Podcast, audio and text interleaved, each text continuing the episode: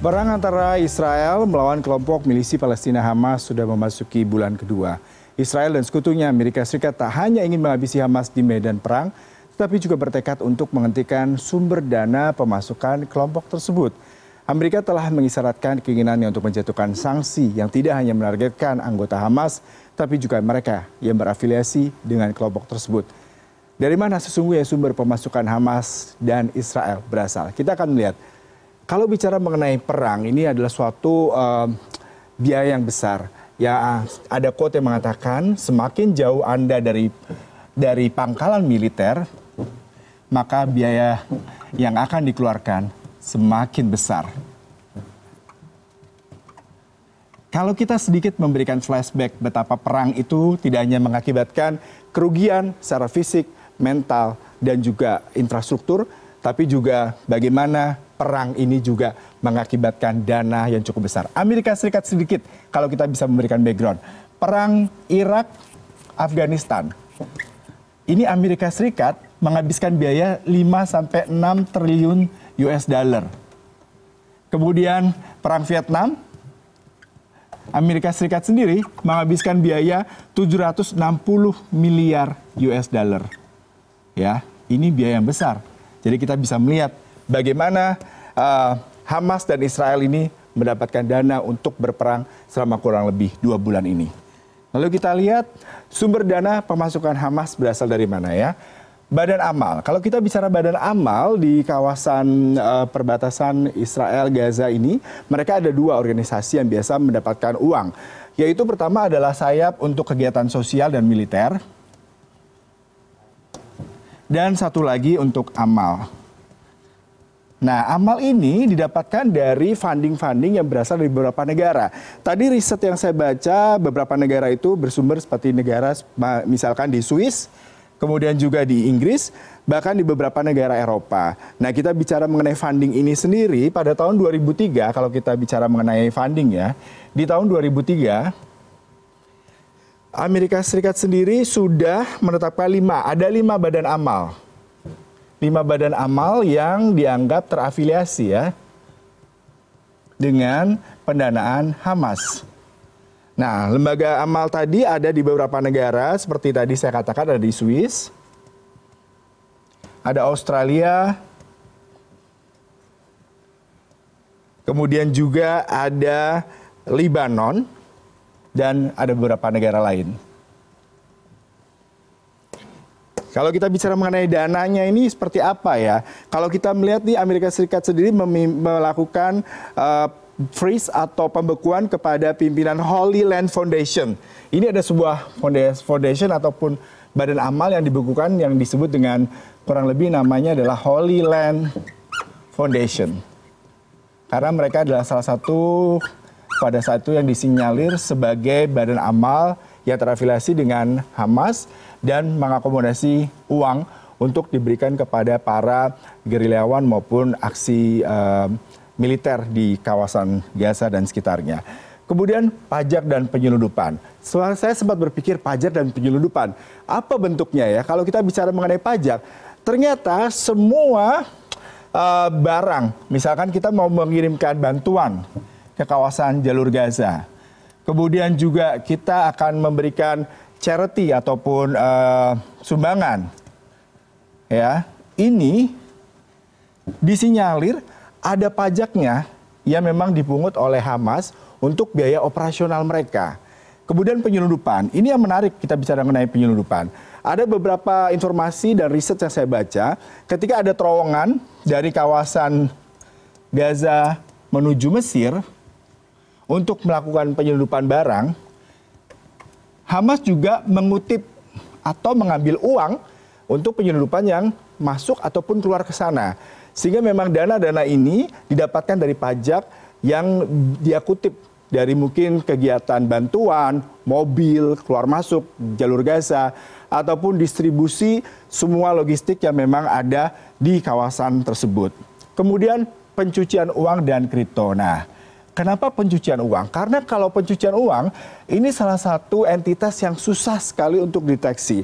Contohnya adalah apabila kita ingin menyumbang 100 US dollar ke warga Gaza misalkan. oleh Hamas, mereka bisa mengalihkan ini dalam bentuk logistik. Seperti misalkan beras, kemudian sayur-sayur, minyak, dan kebutuhan lainnya. Sehingga mereka tidak bisa terdeteksi ketika adanya pencucian uang masuk ke dalam kawasan bersengketa ataupun kawasan berkonflik tersebut. Lalu kripto, nah ini salah satu hal yang menarik ya. Berdasarkan informasi dan data yang kami dapatkan, kripto sendiri merupakan salah satu sumber dana daripada Hamas sendiri untuk mendapatkan uang. Ini yang menarik adalah kripto itu mencapai 7,3 juta dolar. Dananya ini untuk kripto mencapai 7,3 juta US dollar di tahun 2021 yang diterima oleh Hamas. Nah, kripto ini macam-macam. Mulai dari ada Bitcoin, ya.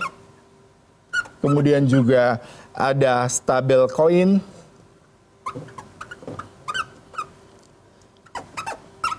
Dan juga yang terakhir ada Ether atau Dogecoin.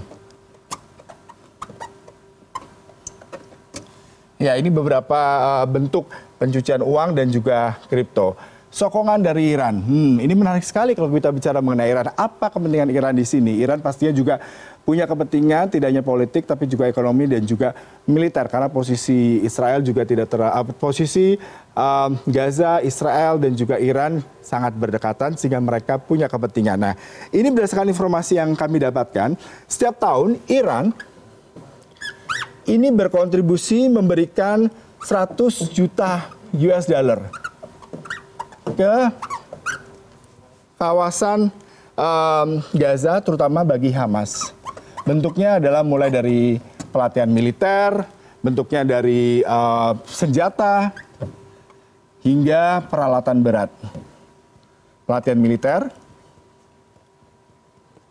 meskipun pihak Iran sendiri membantah bahwa mereka ada di balik serangan pada tanggal 7 Oktober lalu. Kemudian juga uh, peralatan seperti hanya nuk, uh, bom dan juga alat berat ya. Nah, ini kalau dari sisi Hamas. Lalu kita beralih ke sisi bagaimana Israel mendapatkan dana. Kalau tadi saya sedikit memberikan informasi betapa Amerika Serikat sendiri juga kepayahan ketika mereka perang perang Vietnam, perang uh, Irak dan Afghanistan dan kenapa Israel masih bisa bertahan. Ini merupakan salah satu hal yang menarik karena memang Amerika Serikat ada di balik pendanaan uh, kekuatan militer dan juga Israel sendiri. Kalau kita lihat ini dana dari Amerika Serikat, mereka menerima bantuan sebanyak 171,70 triliun dari tahun 1946 hingga 2023 ini diberikan dalam bentuk tadi ya, dalam bentuk um, dana, kemudian juga pelatihan, kemudian juga peralatan perang, dan sejumlah infrastruktur yang memang diberikan oleh Amerika Serikat. Lalu kita melihat kenapa uh, Amerika Serikat menjadi salah satu negara yang memberikan banyak bantuan. Amerika Serikat memberikan bantuan karena memang pasti adalah uh, ada latar belakang histori. Karena di tahun 1948 Amerika Serikat adalah negara pertama yang mengakui kemerdekaan Israel. Ya, ini di sini kalau kita bicara kenapa Amerika Serikat mempunyai kepentingan karena pada saat itu Amerika Serikat sendiri juga punya kepentingan bisnis di mana pada saat itu ada presiden Amerika Serikat Harry Truman. Harry ya, Mr. Harry Truman ini bekerja sama dengan mitra, mitra bisnisnya Edward Jacobson.